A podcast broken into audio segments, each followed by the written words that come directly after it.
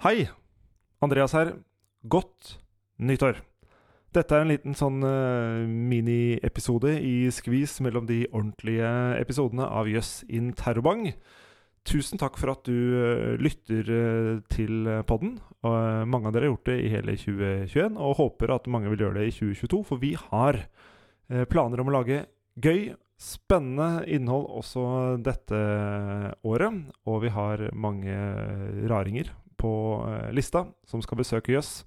Men la oss stoppe opp nå, på nyåret, før vi kjører i gang med ny sesong, og spørre hva er det dere liker? Hva er det dere vil ha mer av? Hva er det dere vil ha mindre av? Hvem bør vi kontakte og snakke med? Hvem bør være gjester her i uh, Jøss? Og det kan du sende til uh, Jøss sin egen Instagram-konto, eller du kan sende til meg uh, på andreas.vitenvalg.no, eller til meg på Facebook eller Instagram eller Twitter eller et annet sted. Spiller ikke så stor rolle.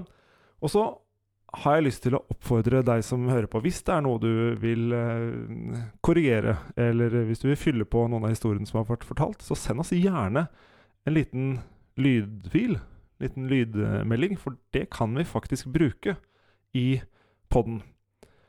Og nå vet jeg at dere som abonnerer eh, til oss, er jo her for noe eh, ny kunnskap og uh, fun facts. Og siden dette er den mørkeste måneden, og vi er i en mørk tid hvor det er kaldt, har du reflektert over at mørke og kulde egentlig ikke fins?